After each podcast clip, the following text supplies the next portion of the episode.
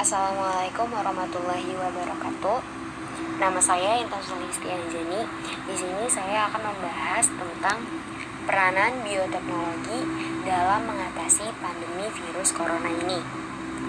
Virus corona telah kita ketahui bahwa virus corona ini sangat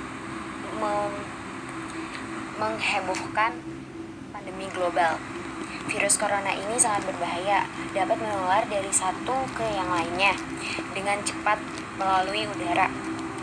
Virus corona dapat menginfeksi siapa pun, siapa pun dia, di mana pun dia, dan dia lagi sedang apa. Nah, untuk itu ada beberapa peranan bioteknologi yang dapat kita manfaatkan untuk menghadapi pandemi virus corona ini. Misalkan, kita mempunyai sayuran yang berbioteknologi. Otomatis, sayuran itu mempunyai nutrisi yang lebih baik daripada sayuran-sayuran yang tidak berbioteknologi. Sebetulnya dalam proses bioteknologi terhadap virus ini adalah penggunaan vaksin. Tapi vaksin virus corona itu belum ditemukan adanya. Cara kerja vaksin adalah dengan melemahkannya virus tersebut dan mengambil protein dari virus tersebut.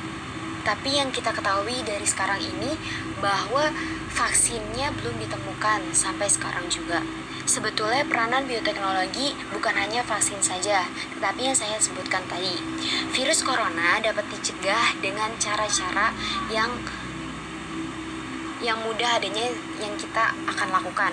Contohnya saja dengan cara mencuci tangan, menghindari jarak dengan orang lain, dan tetap di rumah.